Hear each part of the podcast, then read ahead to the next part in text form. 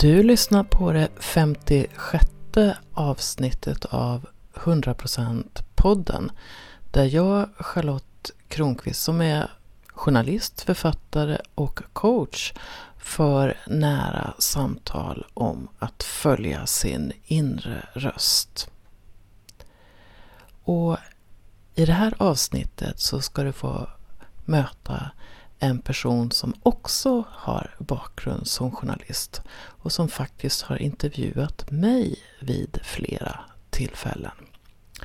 Men idag är rollerna ombytta och jag möter författaren och gestaltterapeuten Eva Sanner. Och hon tillhör de som har ändrat om i sitt liv flera gånger. Hon har precis kommit ut med sin bok Passionskoden som handlar om hur vi kan leva rikare liv. Och hon har under de senare åren också fått en mycket speciell relation till naturen. Jag sitter på slottet med Eva Sanner som är psykosyntesterapeut, författare och som nyligen har kommit med boken Passionskoden. Hjärtevälkommen Eva! Tack så mycket! Vi har varit i den omvända situationen vid flera tillfällen när du har intervjuat mig faktiskt. Så det känns lite spännande att vara i den omvända situationen. Mm. Mm. För du har också, liksom jag, en bakgrund som journalist. Ja, jag har pratat mycket med människor i mitt liv. Och det var ju också något som jag, när jag skulle byta från eh, att vara journalist till att bli terapeut för många år sedan, liksom börja med det, så var jag lite så här, åh hur ska jag liksom, jag klara det här då? Men då sa min rektor, min lärare, men du har ju 20 års erfarenhet av att prata med folk. Bygg vidare på det. Det ligger mm. ju någonting i det, mm. för i rollen som journalist så behöver vi ju lyssna mycket på mm. människor, i bästa fall. Mm. Ja, och nu jobbar jag mycket med, med par och parterapi och då pratar vi också mycket om alltså lyssna, kommunikation, hur man hör, hur man berättar. Och, så det handlar väldigt mycket om samtal där också, fast på en djupare nivå. En sak som jag eh, har tänkt på när jag jobbar som journalist det är att jag är lite vid sidan av och skildrar världen lite grann från håll. Men jag tänker när man går in i, i rollen som terapeut så är man med i ett sammanhang. Och, och mm. apropå det så bara fundera på vad var dina drivkrafter att att eh, gå in på terapispåret? Alltså när jag började utbildningen så visste jag faktiskt inte att jag skulle bli terapeut utan jag började utbildningen för att jag ville jobba med min egen utveckling. Och så gradvis under, under liksom tidens gång så bestämde jag mig. Och det, jag tror att det som Alltså jag är så sjukt nyfiken på människor. Jag tycker det är så roligt och intressant. Och ibland säger ju klienter till mig så här, ja men är det inte jobbigt att lyssna på så mycket elände? Men det är ju inte det, därför att det är så... Ja, därför att varje människa är unik och att alla, och alla frågor är universella. Så det, varje person är liksom en unik kombination av de här universella frågorna. Om vad som är viktigt i livet och hur vi hanterar våra relationer eller hur vi ser på världen. Allt det här, det är ju liksom så likt för oss men vi gör det på så olika sätt. Så jag tror att jag gjorde det av nyfikenhet faktiskt. Att jag blev terapeut av nyfikenhet och att jag tror att jag märkte också att eh, under den här processen som vi gjorde under utbildningen att eh, det som jag hade tyckt eller upplevt som mina svårigheter som hade mycket med min ursprungsfamilj att göra och sånt jag hade varit med om. Jag tror jag lärde mig då att det kan faktiskt eh, inte vara... Det kanske inte är ett hinder, det kanske till och med är en tillgång när jag är med andra människor. Så att jag, jag, omvärderade, jag omvärderade väldigt många saker i den processen. Och eh, det, det gav mig liksom någon slags självförtroende att ja, men jag kan nog vara till nytta här och att det kan vara liksom ett ömsesidigt givande och tagande. För så ser ju också psykosyntesen på terapi, att det, det är inte man ser det inte som en behandling utan man ser det som en, det är också en andlig process där två själar möts och eh, när jag är terapeuten så är jag den som ställer frågor, leder, gör övningar, har en idé och så. Men det är klart att jag påverkas ju också av varje person som jag möter. Så på det sättet är det en ömsesidig resa också. Och vad är det vanligaste skälet till att par kommer till dig? Ja, det var ett Ja, det, ska man ha statistik här på alla par som jag har träffat. Det skulle man faktiskt sätta sig ner och göra. Det skulle vara rätt roligt så man hade lite procenttal. Men alltså det som jag ser det är ju att många kommer för att de inte hinner få kontakt. Alltså de tappar kontakten med varandra för att de inte hinner mötas. Och när de sen har möjlighet att mötas så, så vet de inte hur de ska göra. Och de är i ganska hög stress. Och då är det väldigt lätt att sådana här gamla spår drar igång. Och att man börjar projicera på varandra och man ser den andra som en eh, fiende istället för en, en älskad partner. Och därifrån kan ju ganska mycket gå fel eller upplevas väldigt smärtsamt. Så det tror jag alltså att många kommer i en situation, omständigheter som försvårar för dem att eh, vara tillsammans. Livsstil, stress, eh, tidsbrist. Det här som eh, jag i boken har jag gett ett nytt namn på det. Vi pratar om livspusslet. Och det, det låter ju så himla mysigt det här livspusslet. Men liksom man har några pusselbitar och så lägger man dem och så får man ihop så blir det en jättefin bild liksom av ens liv. I verkligheten är det ju inte så utan det är för många bitar, vi får inte ihop det. Och folk kämpar livet ur sig för att få, få det här att funka och jag bara ser att det är omöjligt. Det är för många bitar. Och det så det brukar ibland komma upp i parterapierna, liksom, att det här, det här som ni försöker göra, det kanske är omöjligt. Och därför har jag döpt om det här då till mardrömsrouletten. Därför att um, vi, vi kör på och uh, vi vet inte vad som ska gå sönder först. Om det är hälsan, relationen, om barnen ska börja må dåligt eller ja, vad det nu är som ska hända. Något händer ju väldigt ofta när det är för mycket. Det går ju inte till slut. Så det möter jag väldigt ofta med par. Och också att eh, de har inte sex, det finns ingen lust och det hänger ihop med att man inte har någon intim kontakt. Och att många är så stressade så att de, de har väldigt eh, lite lust faktiskt. Och det finns ju siffror på det, att eh, svenskar har mindre sex. Och det tycker jag, ett, det tycker jag myndigheterna skulle vara mycket mer oroade över. Alltså det är ett allvarligt hälso tecken eller brist på tecken på dålig hälsa när folk har mindre sex, tycker jag. Det är liksom, vi älskar ju när vi mår bra, när vi är i balans, när vi har energi. Så att människor inte har energi att älska, det är ju allvarligt, tycker jag. Och det kommer de med också. Och då handlar det om att titta på kan vi ändra förutsättningarna? Vad är det som hindrar? Vad är det som hindrar lusten? Och ibland är det så att man inte har lust att ha lust man liksom, det är mycket som hindrar. Och det kan vara gamla konflikter som ligger och spökar och att man det kan vara saker som man behöver lösa. Besvikelser och sånt mellan paret. Men det kan också vara barndomsupplevelser som till slut hinner i fatten. Så det är väldigt komplext. Så jag, jag, när jag började med terapi då tyckte jag liksom att det här, det här med att vara med en individ, det var jättespännande. Men att sitta med ett par, det är ju som att sitta med ett helt med en hel värld. Liksom. Det är jättespännande. Och konfliktlösning är det ju. Så ibland så känner man sig som att ja, det här skulle... Man kanske skulle jobba med konfliktlösning på andra plan. Därför att det är väldigt mycket det som parterapi handlar om också. Att, att förstå den andras upplevelse och se att den är också värdefull och den är verklig för den andra personen även om inte man själv har samma upplevelse. Att var och en har sin upplevelse. Det är någonting som jag tror, jag tror att det är det största det som hjälper par mest, det är när de förstår det. Att man inte måste ha rätt. Utan att man kan uppleva saker på olika sätt och att det, att det kan vara okej. Okay. Min upplevelse är att många tror att det där med relationer det är sånt som man fixar, det bara flyter på. Mm.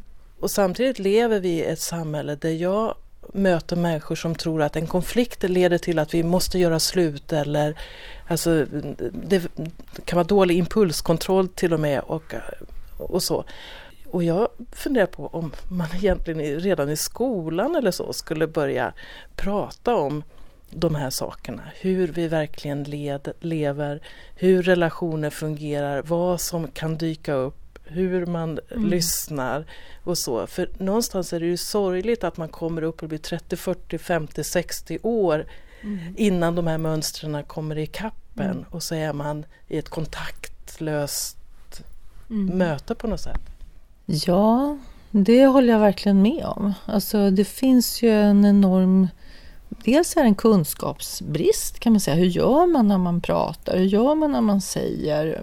Men så på sitt sätt kan man säga att skolan skulle kunna säkert göra mer. Och jag tror att en del skolor gör det. En del skolor har ju verkligen så här EQ på schemat och sånt där och man får prata om känslor. Och det tror jag är jättebra. Det tror jag är fantastiskt bra. När du säger att man kanske inte skulle behöva bli 30, 40, 50, 60 år innan man kommer på det här så är det ju för att eh, alltså, kommunikation tar tid.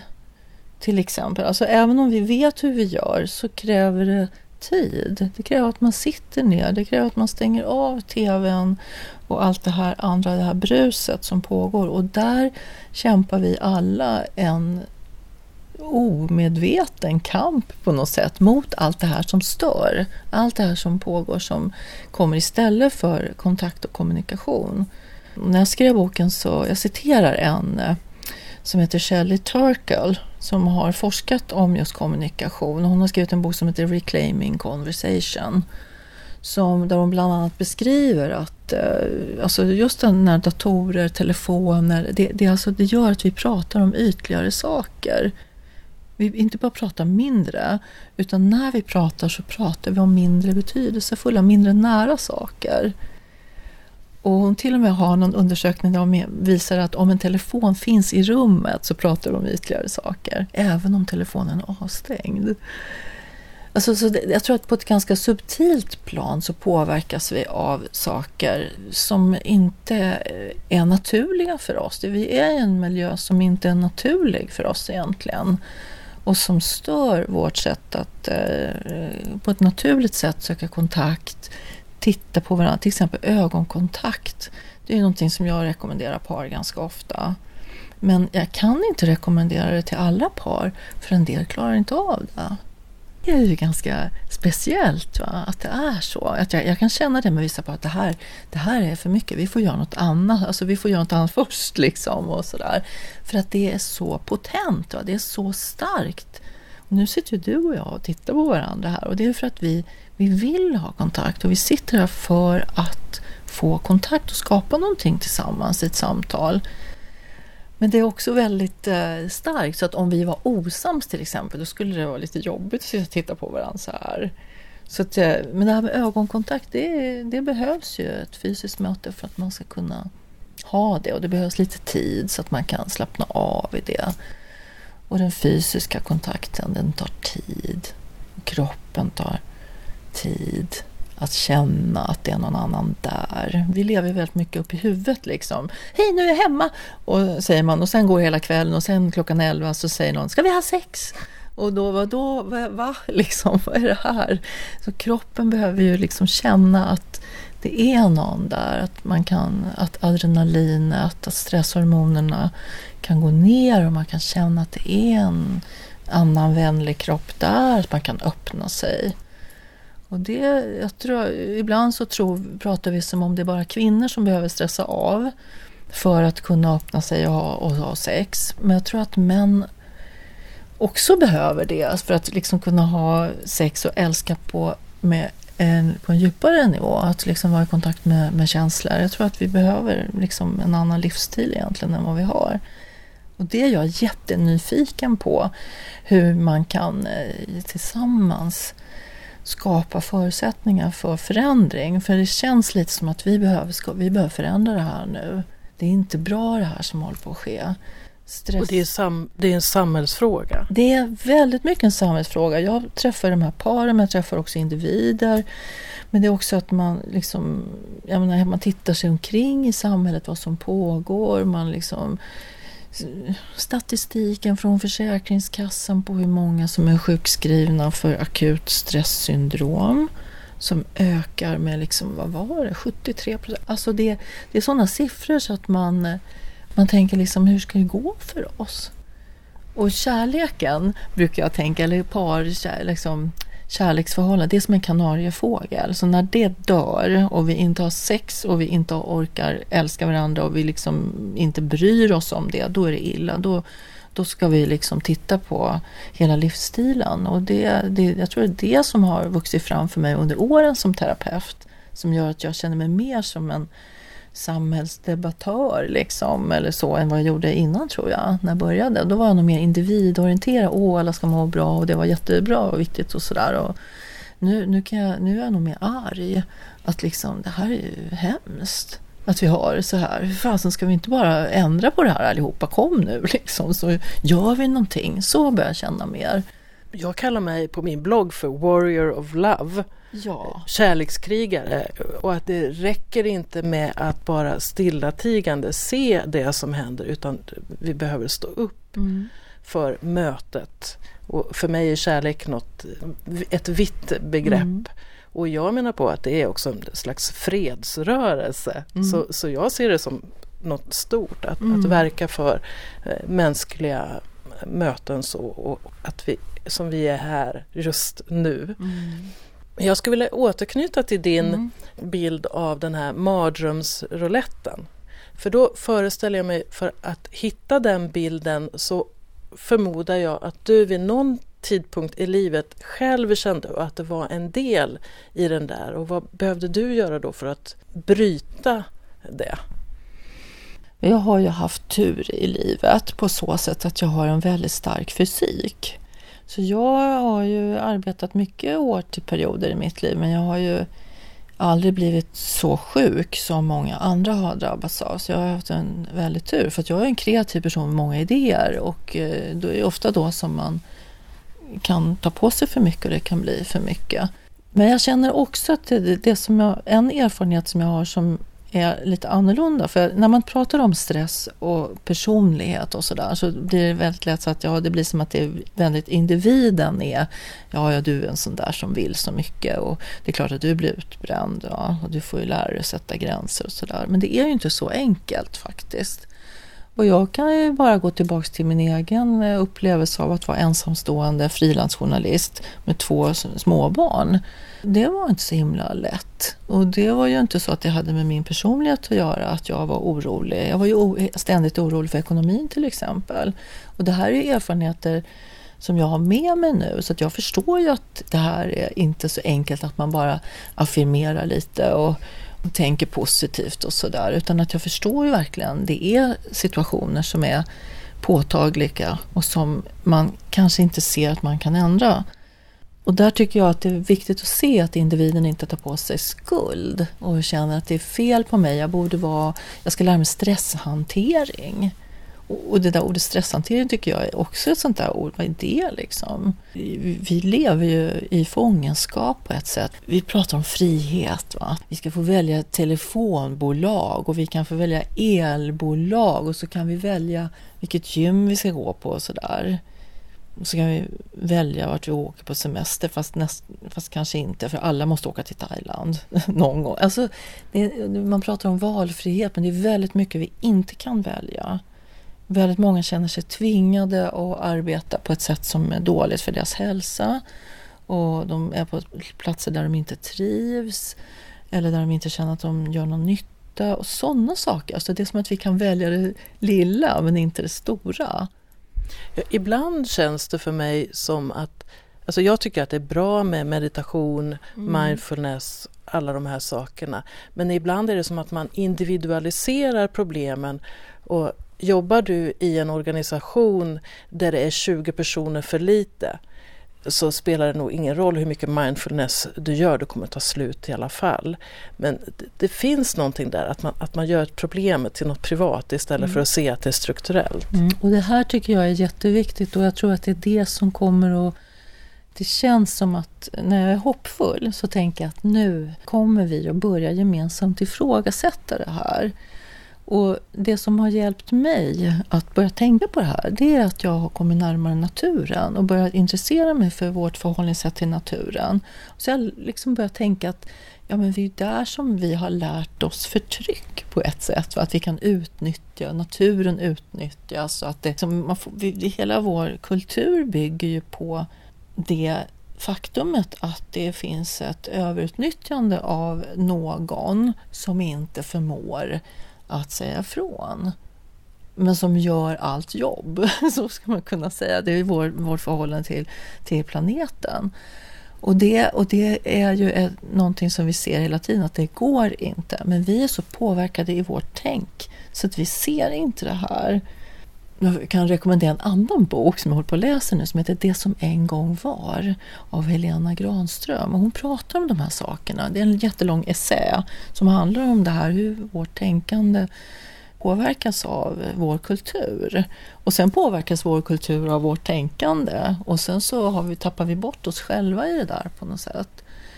Så det, och det är det som jag tycker att jag som terapeut blir mer och mer nyfiken på att se hur kan jag bidra till att människor hittar sig själva som de egentligen är och från den platsen börja ifrågasätta strukturer som inte främjar oss som människor och vår relation till djur, natur, andra personer förstås och så vidare. Va? Att det tycker jag är jättespännande och då handlar det om att vi behöver kanske göra ganska stora förändringar och och då håller jag med när, när man pratar om mindfulness och meditation så är det kan ju bli någon slags plåster som man har. Man, liksom, man mediterar lite så känns det lite bättre.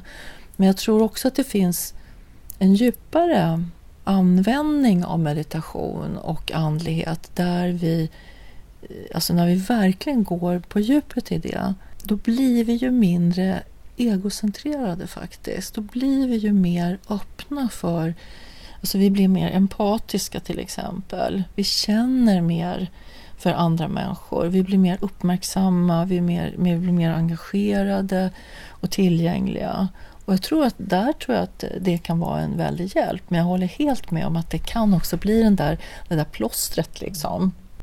Jag tillhör ju de som har ändrat mitt liv radikalt och downsizat och eh, ja, där meditation är en viktig del och jag har inga skulder och så. Och det gör ju mig fri. Så jag kan ju stå utanför de här strukturerna på väldigt många sätt. Och samtidigt vet jag att min situation är privilegierad. Det är inte så lätt att göra så mm. för alla. Mina barn är utflugna mm. och, och så.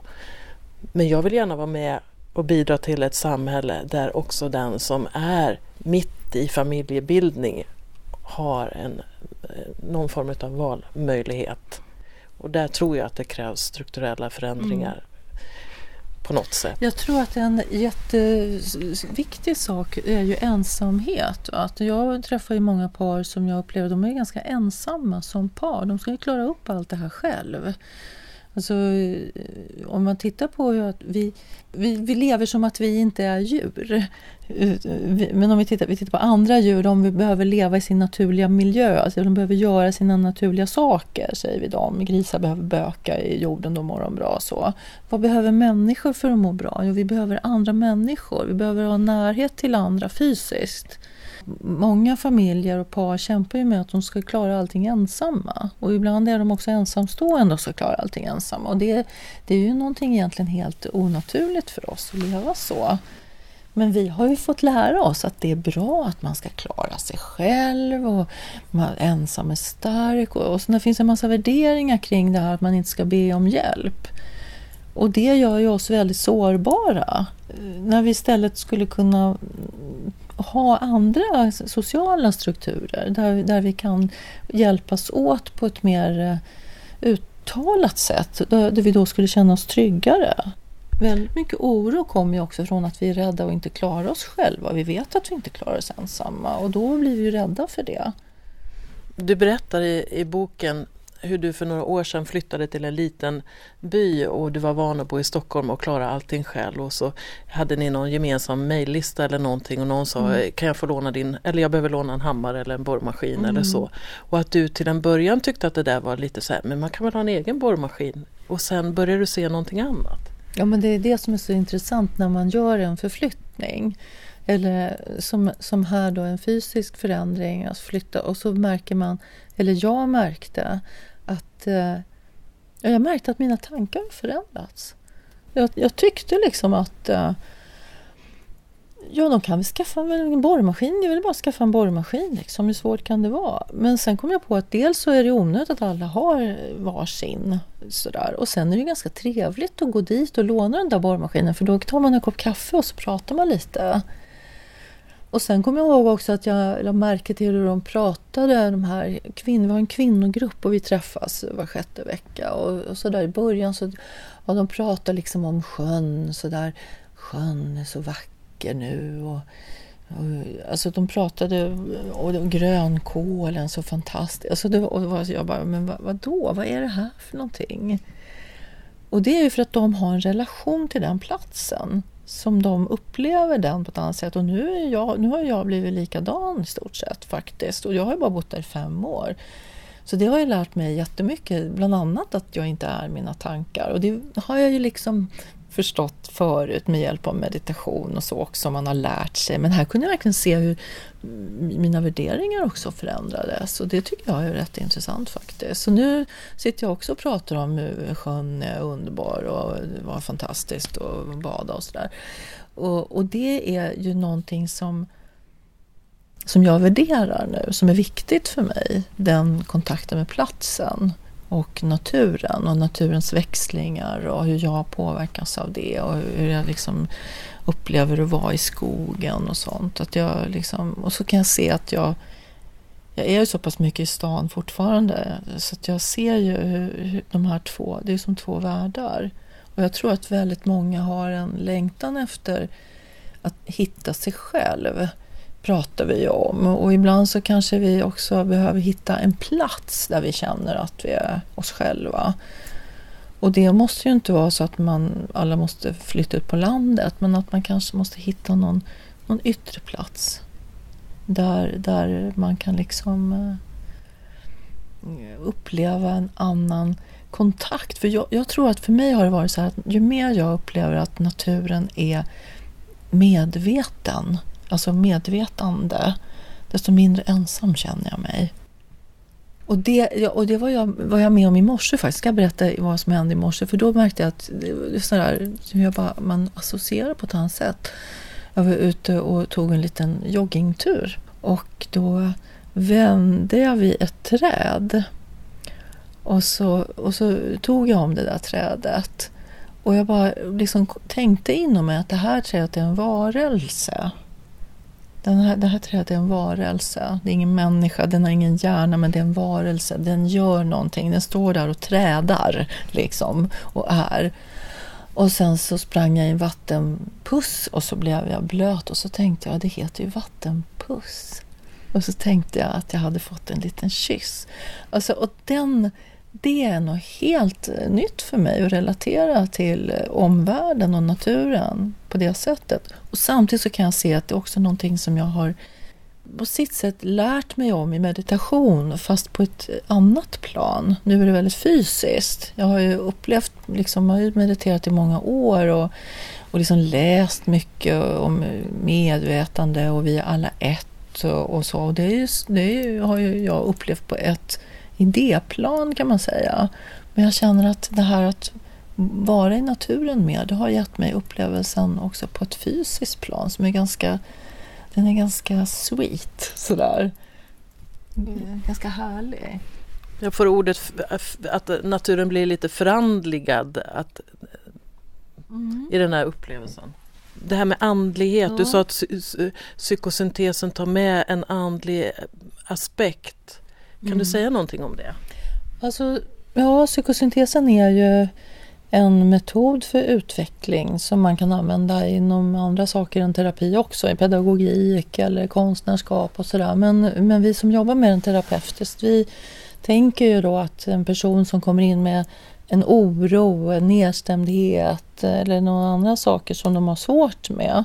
Det är ju i personligheten som det här sitter. Men att själen har inga problem. Själen är på sin resa och personligheten har de här problemen. Och det, det är ett sätt att se på människan som är väldigt salutogent, som det heter. Man ser till det friska. Och det, det är väldigt uh, välgörande. Det påverkar arbetet på ett positivt sätt tycker jag. Att man ser på en människa som en, en själ i en personlighet. En av mina lärare under utbildningen pratade om det som en rymddräkt. Så själen har en rymddräkt som liksom går omkring och så, och så stöter de här rymddräkterna ihop med andra rymddräkter och så kan det bli lite problem liksom. Det pyser ut något och så. Eh, men att själen är hel och eh, vet eh, någonting om vad den här personligheten behöver vara med om. Och hur kan man lyssna på själen? Ja, det gör man ju bäst i tystnad, då kan man säga. Alltså, nej men man kan lyssna på själen, tänker jag, eh, när, man, alltså när man går igenom en svår period, till exempel. En utmanande händelse så finns det ju någonting inom det här nyandliga eller new age-världen. Man pratar, ja, men det är säkert någon mening med det. Och ibland går man alldeles för snabbt dit, tycker jag. Så ibland kanske man behöver faktiskt komma i kontakt med smärtan, sorgen och förtvivlan. Och, och så småningom ta sig igenom det här. Och till slut kanske också hitta vad betyder den här händelsen för mig? Finns det någonting jag kan förstå om mig, om livet? Om man förstår att den, den har ju en, en betydelse. Så att själen så att säga, hjälper oss att eh, hitta den betydelsen, att omforma eller omformulera det vi är med om till någon slags meningsfull berättelse. Och det finns en del som säger att ja, men det är hjärnan som funkar så. Hjärnan gör alltid meningsfulla berättelser och det är möjligt. Och jag tycker kanske om att tänka på det som att det finns en medvetenhet. Kanske att jag inte så ofta egentligen använder ordet själ, kommer jag på nu när jag, när jag tänker själv, men jag tänker medvetenhet. Och där tycker jag också att eh, ju mer jag liksom studerar naturen, det finns, ju, alltså det finns ett medvetande, något som växer, något som gör, något som skapar, som vill expandera. Och naturen är liksom en bild av det. Och, jag tror att, och vi är ju en del av naturen. Vi är ju natur. Så vi vill också expandera och växa på något sätt. Och det tycker jag är vackert. Hur har medvetandet hjälpt till att skapa passionskoden? Oh, ja, medvetandet gjorde så att den tog en liten personlighet som hade en viss talang för att skriva. Och så, och så gav medvetandet den här personligheten en idé och utsatte den här personligheten för olika omständigheter och, och saker som hände. Så att det blev de här idéerna. Och så, det, det gick ju till så att jag fick den här idén på ett möte med andra människor. En nätverkslunch om person. Där jag tror arrangören kanske tänkte att vi skulle prata om sex och åtrå och sånt där. Och det gjorde vi också. Men vi pratade också om kreativitet och drivkraft och längtan och skapande. Och allt som hörde till livet. Och så tänkte jag när jag gick därifrån att eh, det är samma sak som får oss att våga närma oss någon vi åtrår sexuellt och samma sak som samma nyfikenhet och eh, mod som vi behöver för att liksom ge oss in i kärlekslivet och utforska det. Det, det, det gäller ju på all, andra områden också. Så du hittade, var det 16? Ja, det blev 16 kapitel. Som det, jag får inte be mig räkna upp alla för då måste jag titta i innehållsförteckningen. Men, men eh, det handlar ju om att eh, våga, att orka, att ha integritet, stå upp för den du är att ge till omgivningen, att se, att vara tacksam för det som finns. Och mm, sådana principer som, som är väldigt bra i relationer men som också är bra i vårt liv överhuvudtaget. Liksom att se, se till det som är bra till exempel. Det är ju väldigt bra i ett förhållande istället för att se till det som är dåligt. När du ska skriva en sån här bok, du har fått mm. idén till boken och vi, på flera ställen står det när jag skulle skriva det här kapitlet så och utifrån det så gissar jag att du har gjort någon form av kapitelindelning eller synops innan. Men vem skriver boken? Alltså hur, hur går det till? Vet du vad som ska stå och du bara fyller i eller kommer det eller ja, hur går alltså det till? Jag brukar ofta ha en plan så jag brukar ha, och sen brukar jag ju inte följa den helt. liksom. Men det är rätt skönt att ha ett litet staket att hålla sig i. Därför att jag upplever att, eh, att skriva en sån här bok, eller egentligen alla böcker jag har skrivit, har varit så att jag ger mig iväg på en resa. Man packar sin lilla ryggsäck och ger sig iväg och så mitt i resan så tänker man, vad har jag gjort? Hur tänkte jag nu? Tänk om det inte blir någonting och tänk om jag inte får ihop det och sådär. Därför är det jättebra att ha liksom en innehållsplan sådär. Men sen tycker jag alltid att det blir så att det händer någonting. Alltså att man är i det här kreativa flödet så är det som att sådana här meningsfulla händelser, de bara, det bara sker faktiskt. Man träffar personer som berättar någonting och det passar precis in i det man har tänkt och sådär. Eller saker händer och böcker ramlar ut i bokhyllorna så där som de ska. Liksom. Och det är jättespännande så därför blir det ju det är som en dialog med, med, med livet samtidigt. Men det är klart att jag har, har en plan. Men jag vet ju inte exakt hur jag ska beskriva det, för det kommer ju liksom i, i stunden.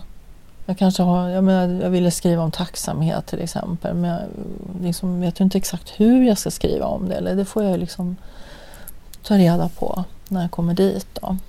Och jag skrev ju kanske inte alla i ordning heller utan jag hoppade lite av det som, det som funkade. Så man kan också läsa boken så att man kan läsa, man behöver inte läsa kapitlen i ordning har jag kommit på. Det är rätt så bra eftersom alla har så ont om tid.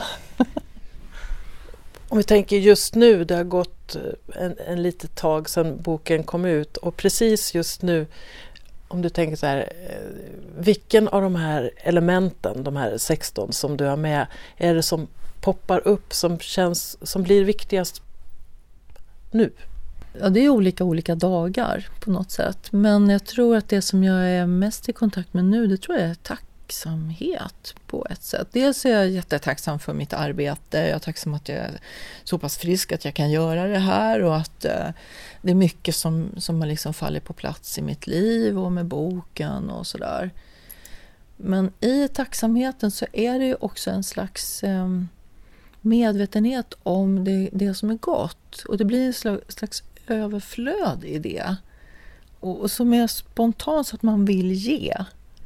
Och jag tänkte på det där häromdagen. Så jag, jag, ibland så tror jag att jag håller på att bli så nostalgiker. Eller man tänker åh det var så bra förr. Men allt var verkligen inte bättre förr. Men det fanns vissa saker i tänkandet som jag tror var bra. Och då tänkte jag på det här till exempel att nu när vi har en trädgård och så har vi odlat till exempel den här grönkålen då, som jag pratade om förut. Och så blir det väldigt mycket man kan liksom inte planera riktigt. Man vet ju, man får väldigt mycket och då måste man ju dela med sig. Det vill man ju spontant, annars blir allting förstört.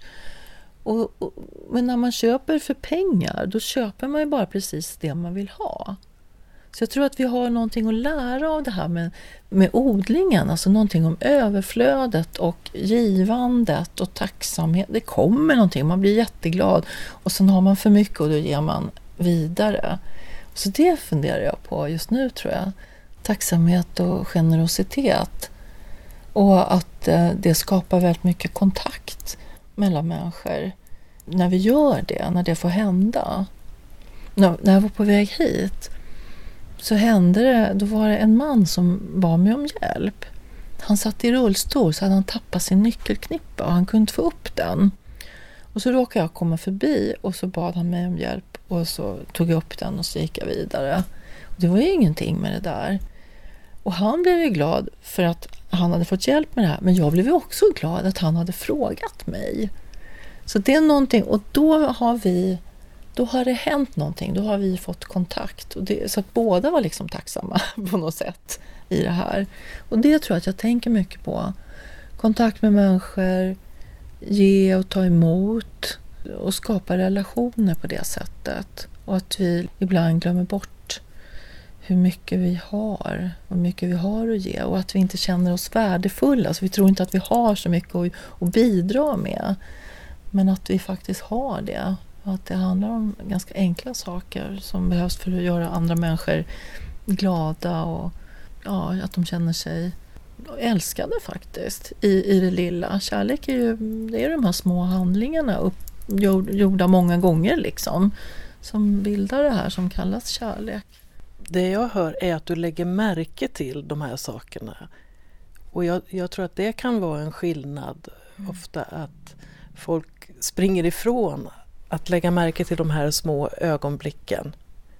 Och om vi kan stanna upp så mycket så, så att vi lägger märke till Wow, här var mm. ett möte. Här kunde jag hjälpa till. Eller vad det nu är. Mm. Alltså du säger någonting där som jag tror är sant. Jag tror att jag lägger märke till det här. Jag tror att jag har börjat att lägga märke till mer. Och jag tror att jag också insett hur mycket jag inte lägger märke till. Hur mycket som pågår som jag inte märker.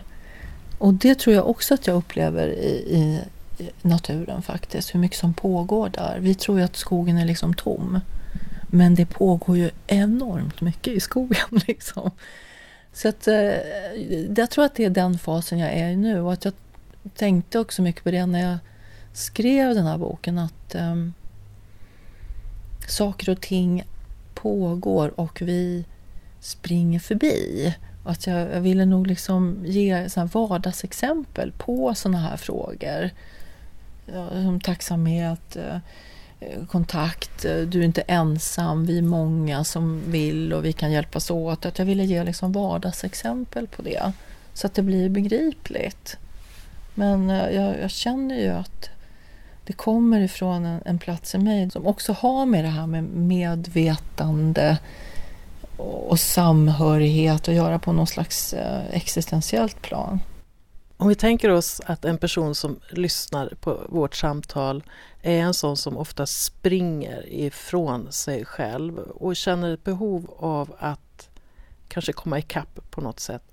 Vad skulle du rekommendera för någon liten övning, practice eller första steg Ja, det är lätt att säga så här, ja nu ska jag börja med meditation. Men det är jättesvårt att meditera för att då kommer alla tankarna bara hoppa på en liksom och så blir man jätteledsen och tycker att det är hemskt. Så det kanske man inte ska börja med, men man kanske ska börja med att eh, sätta sig ner och sitta stilla och gärna ute och kanske titta på stjärnhimlen. Eller kanske vara med djur eller barn eller andra människor. Kanske tänka att eh, det är väldigt mycket vi gör som vi tror att vi måste, som vi inte måste. Och, och där kan man ju också börja och bara tänka att jag måste faktiskt inte det här. Jag kan göra något annat. Jag kan kanske sitta kvar här. Det som jag bara har börjat att förstå i det här med naturen, som jag märker att jag kommer tillbaka till det hela tiden i det här samtalet, det är det här att vi är liksom rädda för universum på något sätt. Men universum är vänligt. Liksom. Och det, det, när vi förstår det, då tror jag att vi kan förändra också den kultur som vi är i. Då tror jag att vi har möjlighet att göra massa bra förändringar. Och det är kanske där vi ska börja öva oss lite och sitta ner och tänka, men nu sitter jag här under korkeken eller var jag nu sitter och liksom bara, och det här är det här är vänligt, det här vill mig inte illa. För så är det. Det är snön som faller. Eller det är stjärnor som lyser. Och här sitter jag och är en människa. Och, det här, och, allt, och allt det här är jag en del av. Allt det här är jag en del av. Det känns som en fin avslutning på vårt samtal. Tack så mycket Eva för att du kom till slottet idag. Ja, men tack själv för att jag fick komma. Det var jätteroligt att prata med dig. Om meditation känns som ett för stort steg för dig så kanske du kan göra som Eva Sanner föreslår. Sitta still en stund och kanske vara i kontakt med naturen. Det blir allt mörkare runt oss.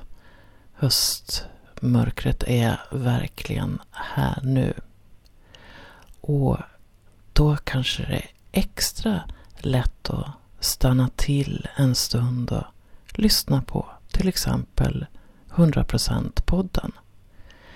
Det kanske också är en bra tid att ge dig själv lite boost.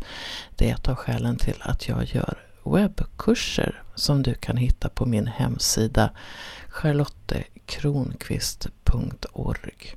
Och de flesta av dem handlar om att ta plats i ditt eget liv, känna dig mer trygg i dig själv, mer attraktiv.